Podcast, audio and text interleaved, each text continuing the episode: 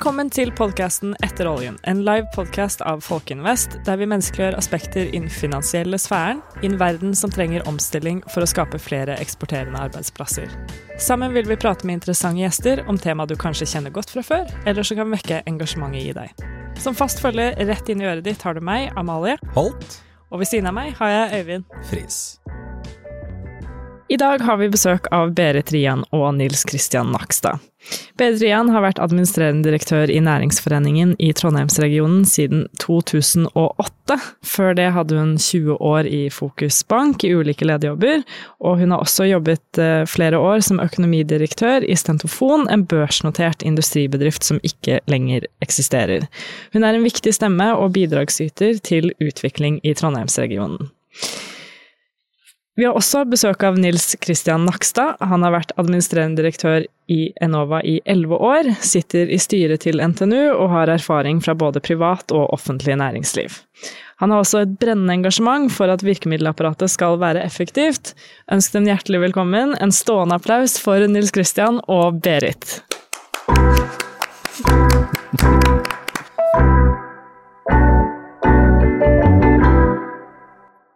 Hjertelig velkommen skal dere være. Jeg syns det er eh, stas å ha dere på besøk. Eh, Det å bruke tid og ha lyst til å delta eh, setter vi fryktelig stor pris på. Før vi drar i gang, så kan det hende at dere ønsker noe å drikke og spise. Vi har brus og Farris, vin, masse forskjellige øltyper. Ja, vi har litt forskjellig. Nils Kristian? Jeg, jeg, tar, jeg har veldig lyst på Farris. Farris, ja. Er det lov, i, det, I det utvalget, det er lov? Det er lov. Ja, det er så både klart. Det er grønn lov, og blå. Ta det og Forsyn deg med det du ønsker. Berit? Ja, da tror jeg jeg tar Mozell, for det ligner mest på hvitvin som jeg egentlig har lyst på. Men i og med at den har bil, så må det bli Mozell. Ja, sant. Det skal du få. Her. Ja, Du skal få lov til å drikke fra vinglass, da. Ja, det er en trøst. Ja. Jeg har jo en forkjærlighet til eh, Villa Farrisen, eh, så nok liksom- en gang så tar jeg en slurk av den, da. Trodde det var Pepsi Max-en jeg, egentlig, som Ja, som sto nærmest ditt hjerte. Ja, ja, ja. Men jeg kan jo slå ut håret, jeg òg, vet du. Og så er det jo da tvisten, da. Eh, Vi liker jo å analysere folk på bakgrunn av hvilken tvist de liker. Har dere noen favoritter? Begynner med Berit, har du en favoritt? Jeg elsker jo sjokolade, så jeg liker jo alt. Så, men jeg ser at jeg bruker ofte å spise opp det som ikke andre liker så godt, så jeg liker banan og kokos, og det er jo flott, for det blir jo alltid liggende igjen. Det kommer veldig an på familien, da. Så i vår Ja. familie så er kokosen en av favorittene. Ja, det er faktisk sånn. Men du, jeg må bare si det at du er da den fjerde av eh, fem-seks gjester som har en forkjærlighet for bananen. Mhm. Så vi har eh, kommet frem til at det har noe med alderssegment å gjøre, da. Og typisk andre sjokolader er mer populære for de som er i tenåra eller 20 år. Det er for at det er sunt, vet du, for det er banan. Ja, sant. Nils Kristian, har Du, en altså, favoritt? jeg, jeg er jo vokst opp med, med tre søstre, så hos oss var det en sånn survival of the fittest. Så jeg gikk alltid løs på det dem likte best først. Jeg elsker å høre det. Ja, og Akkurat så- samme oppskrift som hos oss. Og så går jeg løs på det jeg likte best, og til slutt så slår ryddegenet inn, og da tømmer jeg skåla. Så da er- så er jeg altetende. Og, og ofte spisende, egentlig. Hvem var det som lå igjen til slutt i deres familie? Nei, da var det ofte bananen som lå Og da har vi jo en, en veldig god match eh, dere imellom, da. Sånn sjokoladespisemessig så hadde det vært perfekt. Og nå ser jeg veld, veldig lyst på en karamell, men det betyr jo at jeg blir stille i hele programmet, så da tror Du jeg må, må jo ta en karamell. Men har dere gjort noe spennende i dag?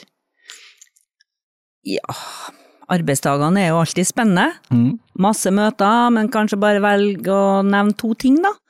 Først hadde jeg møte med ny leder for, det, for næringsforeninga i Levanger. De har jo eh, lagt ned den gamle foreninga, etablert en ny forening, ansatt en ny person som kommer fra Innovasjon Norge. Så han var på en liten sånn opplæringstur, da, i og med at vi er jo den største næringsforeninga i Trøndelag. Mm.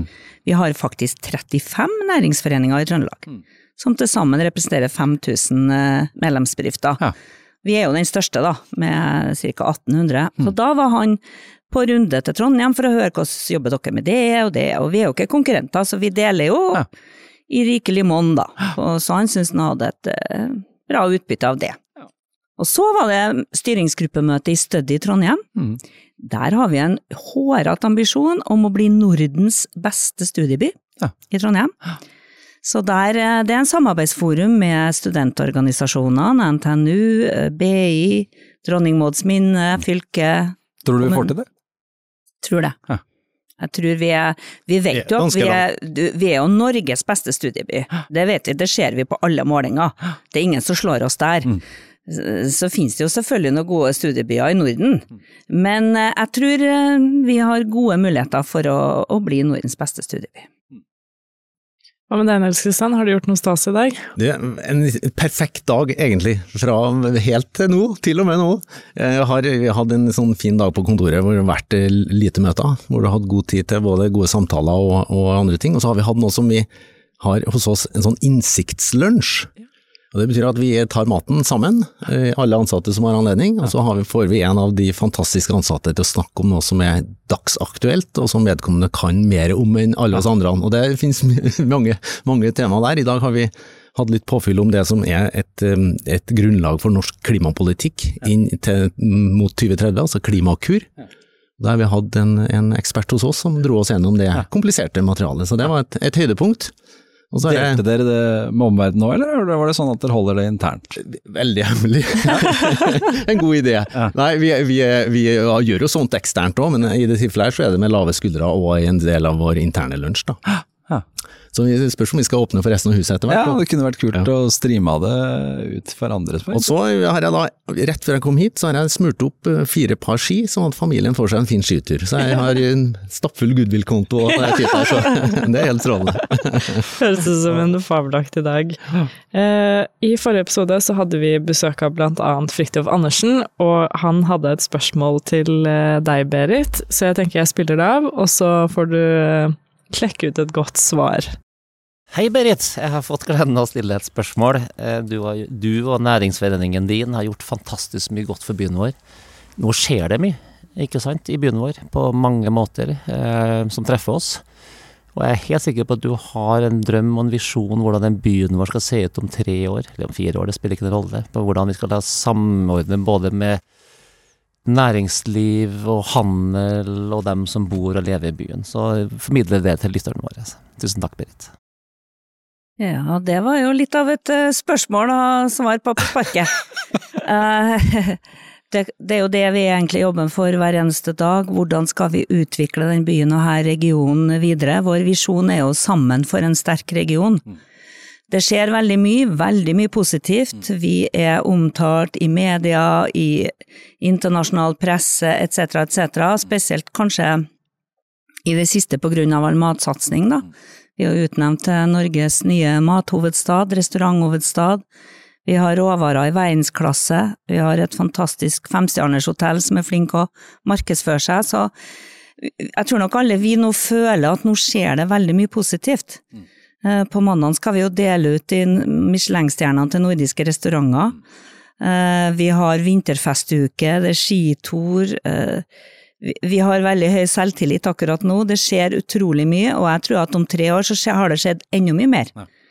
Da har vi utvikla oss videre både i forhold til vekst i verdiskapinga, eh, teknologihovedstaden, vi har kommet lenger, nærmere det målet vi har sagt eh, om antall tech-bedrifter, antall ansatte. Eh, Vi er ferdig med mye av de byggeprosjektene som har forstyrra oss litt i det siste. Vi har et fantastisk torg, vi har et gatemønster forhåpentligvis som fungerer bra. Eh, handel som blomstrer. Eh, jeg tror vi er Det er mye som skjer nå, men det er enda mer som skjer om tre år. Det kan jeg bare love. Høres ut som du har eh, nok ting på tallerkenen da, for de neste månedene og årene. Det, det som, hvis jeg får lov til å bryte inn der, Berit, jeg, jeg hadde jo gleden av å sitte i styret i Næringsforeninga når du ble ansatt, og, og, og fulgt med Næringsforeninga. Det er en god ansettelse.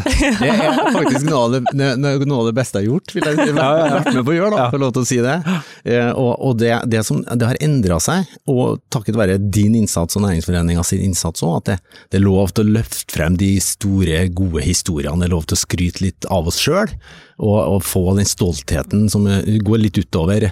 Altså, også næringslivet har sine gode historier, og det er lov til å løfte dem frem som eksempel på hva vi greier å få til. Og, jeg- og akkurat det driver veldig mange fremover. Så det er strålende.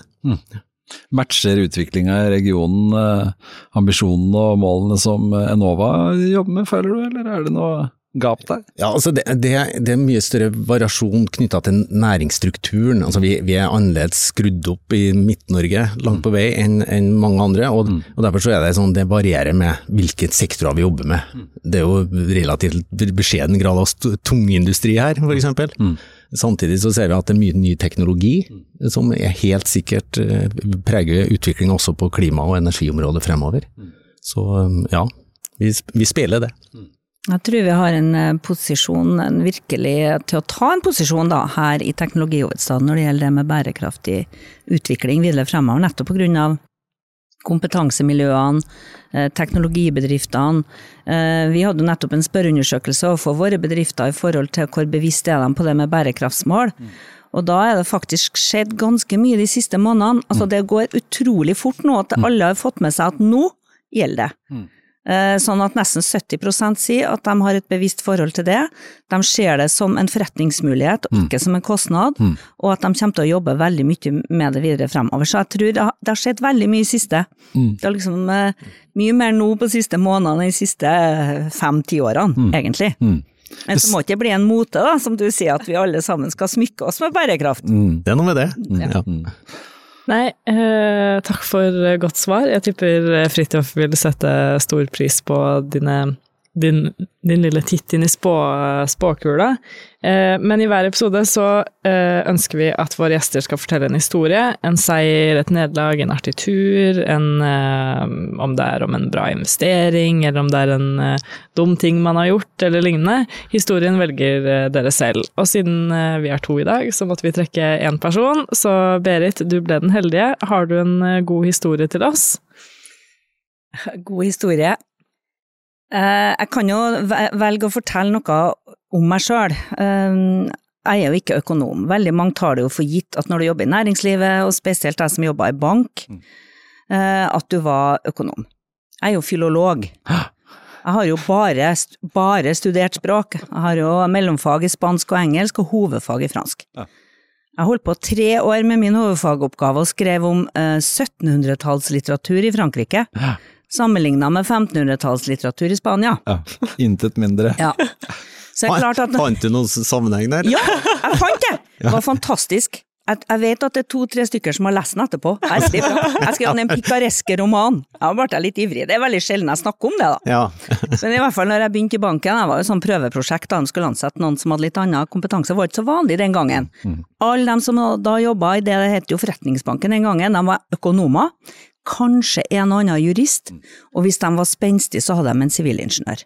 Men det òg var det odd number out, altså. Det var Så jeg var jo helt ingen som skjønte det der. Mm. At hva skal nå hun gjøre her som bare kan konjunktiv og bøye verb og sånn. Og det var jo sant. Mm. Første dagen fikk jeg spurt banksjefen eh, har du hørt om kreditt og debit. Eh, ja, så måtte han tegne T-konto. Ikke sant, så vi begynte jo der, da. Og etter hvert, da, spesielt også når jeg ble økonomidirektør i en børsnotert selskap, jeg skjønner ikke at jeg torde å si ja, jeg, var, det var jo, jeg ble jo spurt, da, men tenkte herre min dag, det oppdaga jeg jo fort, da. Hadde jo investorer, et sånt. Og så begynte de alle å spørre meg, ja, når gikk du i Bergen, da? Og Første gang så skjønte jeg ikke hva jeg snakket om, jeg gikk i Bergen, har du gått i Bergen i det hele tatt? Og, og, så var jeg også tre år i Paris og leda det kontoret banken hadde i Paris, og da fikk jeg alltid spørsmålet ja, hvor har du lært deg fransk hen, da? Så sa jeg men herregud, det er jo fransk jeg kan, du må heller spørre meg hvordan jeg har lært økonomi. For det har jeg lært i friminuttene, brukte jeg å si, men det var ikke bestandig den spøken slo så veldig godt an, da. Men det går an å bli folk av også, da. Ja, fantastisk bra historie. Bra historie. Så sånn er det. Ja, det var bra, ja. Tusen takk for at du delte, Berit.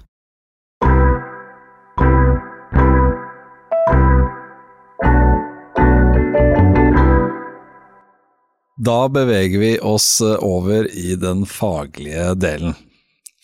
Eh, som en introduksjon. Trondheim er en liten by. Store ideer. Her finner vi 37 eh, 000 studenter, 5000 som arbeider med forskning og høyere utdanning, 700 teknologiselskap og en nobelspris i medisin. Trondheim leder an i utforskningen av havet. Siemens base i byen gjør skipsfarten elektrisk. Kloke hoder lager mikrobrikker til mobiltelefoner og andre hjelpemidler verden over. Nanoforskere ved NTNU bruker det minste som finnes i kampen for ren energi og en kur mot kreft. Moser-teamet fortsetter å frariste hjernens innerste hemmeligheter. Og um, vår region leverer smarte løsninger til hele planeten, og trekker til seg smarte mennesker fra alle verdenshjørner. Trondheim er teknologihovedstaden, men enn så lenge i hvert fall, Oslo regnes fortsatt for å være finanshovedstaden. Eh, hvorfor, eh, eller hvordan, står det egentlig til med finans i denne regionen? Kan du si litt om det, Berit? Takk for det spørsmålet, det vil jeg gjerne si noe om. Ja, det er vi spent på. Ja. Eh, vi har en stor og kompetent finanssektor i Trøndelag. Eh, vi har jo kartlagt bransjen. Mm. Den siste analysen var gjort for et par år siden, men det er jo ikke så veldig mye som har endra seg siden da. Mm. Vi har jo et fagråd for finans da, som fikk gjennomført en kartlegging, og den viser at vi har 4800, altså nesten 5000 ansatte innen bank og finans i vår region. Mm. I tillegg til at vi har eh, nesten 5000 økonomistudenter og forskere. Mm. Så vi har egentlig 10 000 mennesker som jobber innenfor det området her. Stort tall? Veldig stort tall. Og når det gjelder verdiskaping, så viser jo forskjellige analyser, annet en som PwC har laga, at finanssektoren i Trøndelag er den tredje største når det gjelder andel av verdiskaping. Mm. Så det er klart det er en stor og kompetent uh, bransje som selvfølgelig er viktig i seg sjøl, men også er viktig for å utvikle resten av uh, næringslivet. Mm. Og så en sånn fun fact, da. Vi er det fylket som har desidert flest banker. Ja. Vi har hele 16 sparebanker. Fylke nummer to, Møre og Romsdal, har åtte. De andre har langt færre. Det betyr at det er kjempegod konkurranse. Mm. Til glede for våre bedrifter, mm. som har mange institusjoner og banker å henvende seg til. Mm. Jeg har, for bryte inn her, det, det, som, det, som, er veldig sansen for den jobben som, som Næringsforeningen har gjort med å synliggjøre akkurat den delen av, av, av, det vi driver på med her, og det er kjempeviktig at det er nærhet mellom teknologiutvikling, kommersialisering og finanstjenestene mm. som vi er helt avhengig av. Og så Samtidig så må vi, må vi balansere det òg i, i, fortsettelsen. Mm. For det, det er noe, Hvis alle debatter i Norge koker ned til lokalisering av ressurser mm. og sånn, så, så, blir det et nummer for lite. Mm. Så, så, jeg tror nok at en av oppgavene til Næringsforeninga i fortsettelsen er å bygge på den selvtillit vi bør ha, mm. og må ha, og mm. åpenbart har òg, mm. og, og, ta et litt større grep og, og, fortelle liksom hvordan Norge skal utvikle seg. For det er den posisjonen og troverdigheten vi har som region, at det kan vi si noe om. Så blir det et, da blir det ikke et norgesmesterskap, da blir det det verdensmesterskapet mm. som utspiller seg. Mm. mm. Mm. Jeg er helt enig i det, men det er bare for å si at vi har en stor finansbransje. Vi er mm. selvfølgelig ikke størst. Oslo er jo større enn oss, ja. og det, sånn vil det jo være med hovedstaden. Men det som er litt interessant, er at vi ser at det er spesielt aktive eierfond og på investeringssida har hatt en mm. vekst. Mm. For det er klart, banker driver jo nedbemanner og effektiviserer og sier opp folk og erstatter med robotisering og, mm. og maskiner, mm. Eh, selv om de fortsatt har mange mennesker. Men vi ser at innenfor aktive eierfond så har vi økt både ansatte mm. og kapital siste årene. Mm. Og det er jo veldig viktig.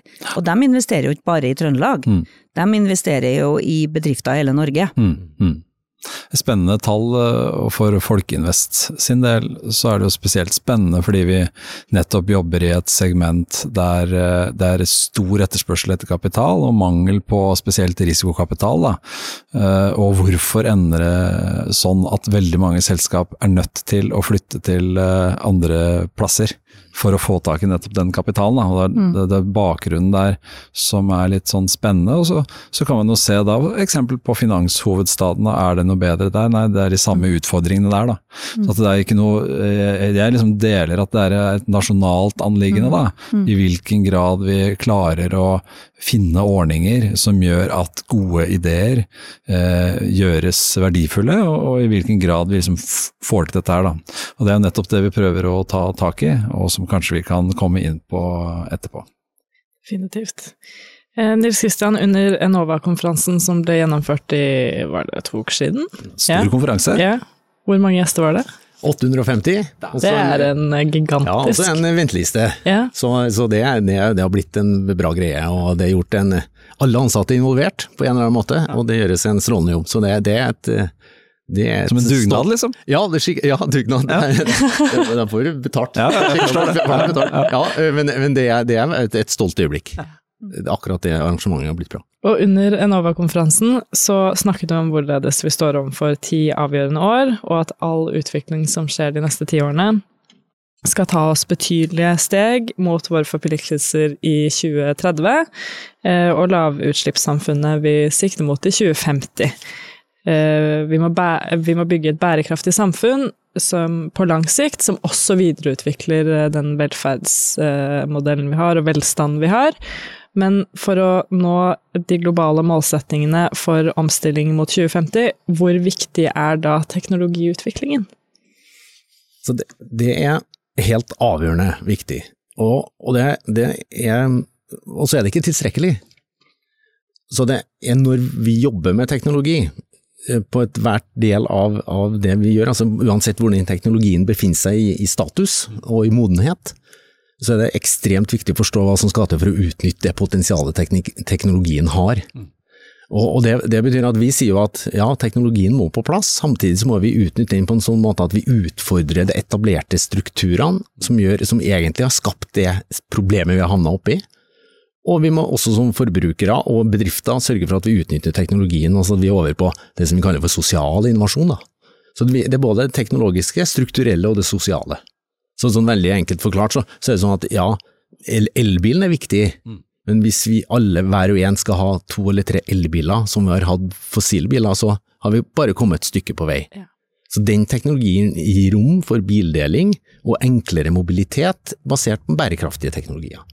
Og, det, det, og det, det, det er kjempeviktig å forstå av for teknologer at vi ikke er tilstrekkelig for å nå mål, men absolutt nødvendig. Og så er det på nytt en unik mulighet for, for Midt-Norge og kompetansemiljøet her. Vi har jo Norges største eh, universitet, eh, og hvor vi på en glitrende måte kan sy sammen eh, den kompetansen til å utgjøre den endringen som vi må få til. Ja. Som, hvor teknologi er helt avgjørende viktig, Ja. selvfølgelig. En ting som jeg lurer på, Amalie, er hvor mye haster det egentlig? Ja, altså det, det er jo åpenbart at det haster. Og, så, og, og da er det, men, men samtidig så er det i den, det hastverket vi har, så er det viktig å ta inn over seg Norges rolle. Um, og vi representerer 0,1% av de globale utslippene. Dette er et globalt problem. Og så fremstår Norge som et herlig forbilde på mange områder. Altså Vi er et, vi er et fullskala laboratorium. Vi, er en, vi har en kultur og vi har en struktur som, som gjør det mulig å ut, prøve ut ny teknologi. Så innenfor det hastverket her, så må vi være tydelige på hva er det vi som nasjon gjør størst forskjell. Og da, da gjelder det å ha tilstrekkelig tålmodighet til at vi lykkes med teknologiutviklinga på veien der. Så det er en balanse mellom det å ha det eh, travelt, men utøve den travelheten med klokskap og grundighet, sånn at vi virkelig flytter teknologien fremover. Og velger de langsiktige løsningene fremfor de kortsiktige, kanskje, på et vis? Veldig, og, og der er vi, vi tillater oss å være litt bekymra for at vi nå politisk har høye ambisjoner for det som er ti år frem i tid. Så kanskje, hvis vi er overdreven grad for opptatt av det, så kan vi låse inn teknologier som ikke overlever i et lengre perspektiv. Eh, Og det, det har vi eksempel på, at, at hvis vi ikke passer på noe, så gjør vi valg som er fornuftige i det superkorte perspektivet, men som, som ikke bringer oss helt i mål. Utrolig spennende. Vi har i Folkeinvest så har vi snakket med eh, mer enn 600 selskap fra vi eh, si fra våren eh, 2017, som mener de har eh, fantastiske ideer for framtiden. 600 selskap som mangler kapital til å gjøre sine ideer verdifulle. Og det er noe av det som virkelig får oss opp om morgenen, da. Det er eh, lysten til, motivasjonen til å få de gode ideene som eh, har betydning for samfunnet, eh, verdifulle. Og i det perspektivet så, så oppfattes det liksom som ikke eh, finansmodellen vi har i Norge fungerer optimalt, da. Eh, og vi har lagd en liten plakat jeg skal illustrere, kan du hente den? Ja. yeah, Det skal jeg gjøre. Uh, og det er jo litt for at eh, lytterne våre, og også seerne, skal ha anledning til å kikke. Det er den typiske kjente uh, figuren med kapitalgapet, Dødens dal. Her ser vi ute til venstre, typisk tidlig i bedriftens levetid, hvor man får finne pengene selv, og i noe grad blir eh, støtta av virkemiddelapparatet, spesielt de forskningstunge casene, da, har anledning til å få tilskudd for å komme litt i gang. Og så, eh, avtar uh, tilskuddsmodellen, softfundinga, eller uh, tilskuddsmodellen fra virkemiddelapparatet, prøver sånn at alle skal forstå dette her nå, da. Avtar lite grann, hvor et, eh, på folkelig forklart eh, virkemiddelapparatet, staten sier Maria Flyfly, nå må, nå må vi vise at dette her er bærekraftig også økonomisk. Og så kommer da den private kapitalen eh, mer i spill, eh, og her er jo utfordringen digger. Den private kapitalen søker minimal risiko og ønsker ikke liksom å engasjere seg i for tidlig fase, mens virkemiddelapparatet ikke kan være med å finansiere ut i evigheten. Og det er jo i dette segmentet hvor vi da har eh, satset eh, Folkeinvest som, eh, som et prosjekt som nå later til å gå veldig bra. Da. Prøve å bygge en bro over dette kapitalgapet. Så lurer vi litt sånn, har dere noen refleksjoner rundt hvorfor eh, Norge, eh, nettopp Norge, er et land som strever med å få alle disse bedriftene eh, validert, eller eh, få sjekket ut ideene? Har dere noen tanker rundt det? Krevende? Ja, det er krevende. Jeg tror også det går kanskje litt på kultur òg i Norge, da. Ja. Eh, Hva vi kommer fra. Vi, altså, vi har jo vært veldig sånn råvarebasert. Um, vi ser jo en del andre land som kanskje har en litt annen type kultur, og som kanskje er villigere til å investere og skjønne at du må også investere i fremtidens eh, næringsliv. Mm. Og at faktisk kanskje også folket bør investere i det. Mm. Vi er nok like, veldig sånn, mer sånn trygghetssøkende og gjerne kanskje er, er vant til det fra tidligere tider, at vi høster, og så kommer det ny avling, og så høster vi. Og, eh, for vi ser jo det at det er jo ikke lett å motivere privat kapital i den fasen der. Nei, det er ikke det. Så, um, men hva som er svaret, det Vi har jo ikke funnet svaret ennå. Så Nei, det det er jo det. åpenbart at det bare blir refleksjoner og betraktninger. Da. Vi kan jo ikke finne opp modellen her og nå, selvfølgelig. Men Men, men jeg, jeg, jeg, jeg kjenner jo igjen problembeskrivelsen og, og støtter jo den langt på vei. Og så er det noe med det Berit sier, at det her er vi, Tradisjonelt så har vi, har vi hatt er høy risiko, store investeringer som kreves. Mm. Og det er store bedrifter som har vært involvert. Mm. Og vi har jo en, i, I lys av det der så har vi, vi en utrolig stolt historie på olje- og gassområdet. Og som vi både forvaltningsmessig og teknologisk og på alle måter har jo overlevert på den historien. Mm. Så, så, og så er det sånn, nå, nå opplever vi et, et, et skifte. Hvor de store etablerte bedriftene også i større grad er åpne og inviterer mindre, det litt sånn forstyrrende bedrifter inn, for å utfordre det etablerte. Og, og, og det er klart at, og det er jo litt det Folkeinvest gjør òg, på mange måter, oppfatter jeg. At de forstyrrer den etablerte finansstrukturen og sørger for at det, det, det ikke det er en langt større dynamikk og nærhet. Og, og, og det opplever vi på andre områder. Og vi, vi har jo en forutsetning i mange av programmene våre at de største prosjektene som skal få støtte, også inviterer flere inn. Altså samarbeidet som sådan er viktig. Så, så her, eh, vi, vi håper og tror at vi ser starten på at det, det er en større grad av in involvering og, et, og samarbeid som sådan gir den merverdien. I, for, for de store bedriftene greier ikke endringstakten på egen hånd, egentlig. Men jeg har forstått det riktig, det er som at Enova har mange pro altså program der, der den offentlige kapitalen eh, utløses i sam sammen med den private kapitalen, og også gode bidrag til nettopp denne brobygginga mellom eh, virkemiddelapparatet og privatkapitalen. Da. Ja, og, og, det, er, så vi, vi har gjort det her til hovedidretten, vi altså. Og si at det, det er akkurat i det feltet vi skal være. Mm. Og, og når vi inviterer til de lange, krevende, høyt risikofylte prosjektene, så, så ønsker vi å være med helt til det markedet er tilstrekkelig på plass til at det går av seg sjøl. Og da må jo staten trekke seg ut, Ja, ja, ja. ellers så forstyrrer vi. Ja, så klart. Så, så her, det her er kjernen av det vi driver på med. Mm. Og, og, og så ser vi at det er i alle sektorer, og god geografisk fordeling Mm. er kjempespennende ideer som, som dukker opp. Mm. Og fra et samarbeid mellom ulike aktører, altså det er slett ikke bare de tunge, store kapitalressurssterke bedriftene som, som er, preger landskapet, egentlig. Nei, nei, nei. Nei, det er jo altså, sidetallene, da. 99% av norske bedrifter er SMB-er. Og 80% av dem opplever ikke vekst. Så det er klart at stor andel av eh, bedriftene er jo de små bedriftene. da.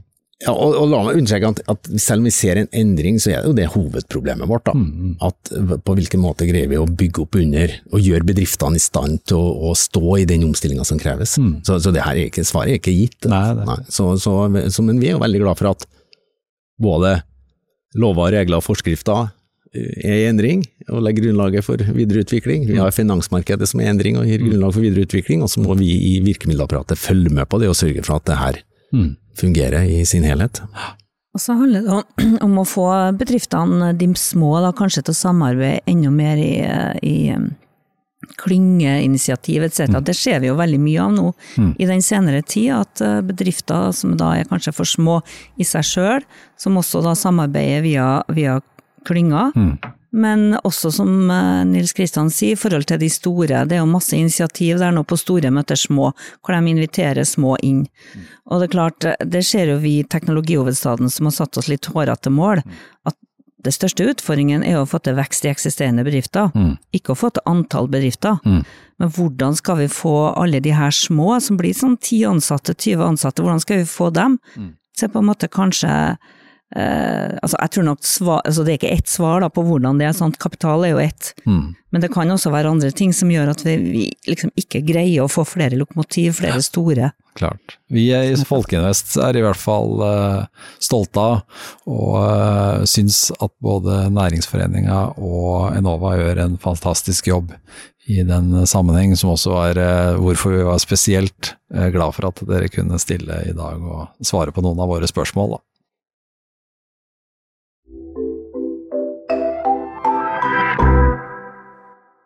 I hver episode så ønsker vi at uh, våre gjester skal uh, gjøre noen begreper forståelig for folk flest. Vi har valgt å kalle den lille delen for uh, finans for dummies. så jeg har to spørsmål til dere. Ett til hver av dere.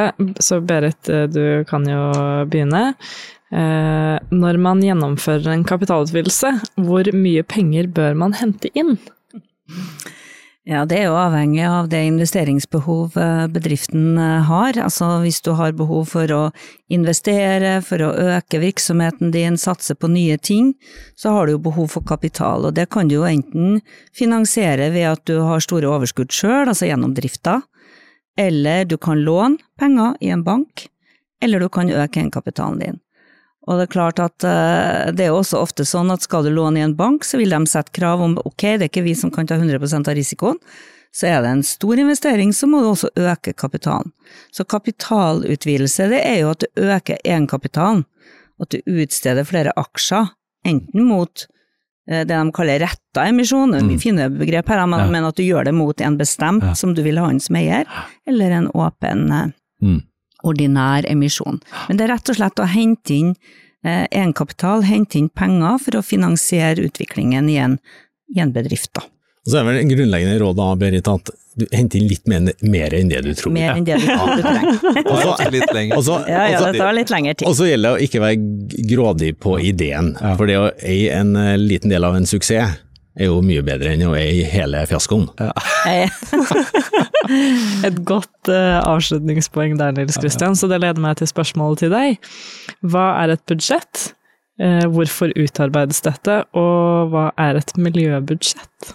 Altså, det, er jo, det er jo et avgjørende viktig instrument hvis du skal invitere andre inn i den planen du har, og ha et bilde på, det samla bildet på de inntektene og kostnadene du har.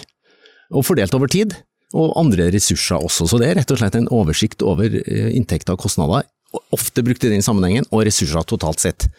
Og så dukker det opp et, et brukested i andre sammenhenger hvor du har en begrensa ressurs, og du må, du må husholdere på det. da. Og det er jo akkurat det uttrykket sier, vi gjør jo det privat hele gjengen, og har en, en balanse mellom inntekt og, og kostnad selvfølgelig.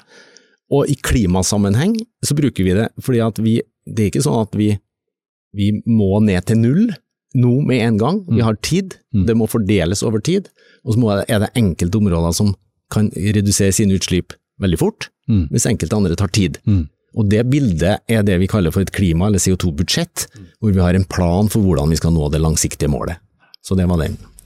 Fabelaktig. Takk. Jeg, det aner meg. altså Grunnen til disse spørsmålene er litt artig for oss, for eh, vi har jo starta en podkast i alle i smug, skal vi si, eh, og det strømmer inn med spørsmål, vet du, fra seerne våre da, som lurer på forskjellige ting. Og det aner meg at vi kommer til å få spørsmål som resultat av svarene deres. ja. Veldig bra. Ja, for det, folk vet ikke nødvendigvis hva egenkapital er. Vi får sende dem på e-post, og så får de sende sånn talesvar tilbake. Ja, nei, vi skal nok finne ut av det over tid. Ja, veldig bra. Nei, men takk. Eh, jeg tenker at vi skal eh, gå inn for landing. Vi skal ikke holde dere her så veldig mye lenger enn 30 minutter, så jeg prøver å holde meg på tiden, selv om jeg ikke har noen helt sånn fast klokke rundt meg. Eh, men Berit fikk jo et spørsmål fra vår forrige gjest, og da tenkte jeg at Nils Kristian, du skulle få lov til å stille et spørsmål til vår neste gjest. Vi vet enda ikke hvem den gjesten er, så du må ja, stille spørsmålet i Generisk. generisk i god tro om at dette kan neste gjesten svare på. Ja, det er veldig, det er en veldig spennende utfordring, egentlig. eh, altså, det, det spørsmålet som er, ligger meg nærmest, og, og det er nok noe av det vi prøver å understreke i vår virksomhet, at eh, teknologi, kapital, penger er bare deler av det vi står midt oppi. Vi står oppi en, en, en menneskelig eh, atferds, altså endring og et, et perspektiv, og det koker. De beste prosjektene koker ned et enkeltindivid. Og med den antagelsen at neste gjest også er et menneske, så vi, vi, vi starter der. Og, og, og, og kanskje leder, eller kanskje medarbeider i en virksomhet. Og, og da vil jeg si, hva, hva den gjesten, hvilke perspektiver gjør han på sin egen og andres utvikling i det laget man er en del av? Hva tenker man om det i fremtida, i forhold til læring, utvikling og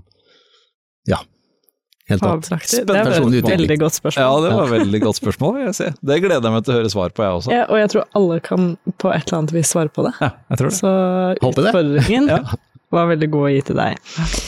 Nei, da tenker jeg vi bare sier takk for følget. Og så takk til alle våre lyttere. Takk til deg, Nils Kristian. Takk til deg, Berit. Og så ses vi igjen om to uker.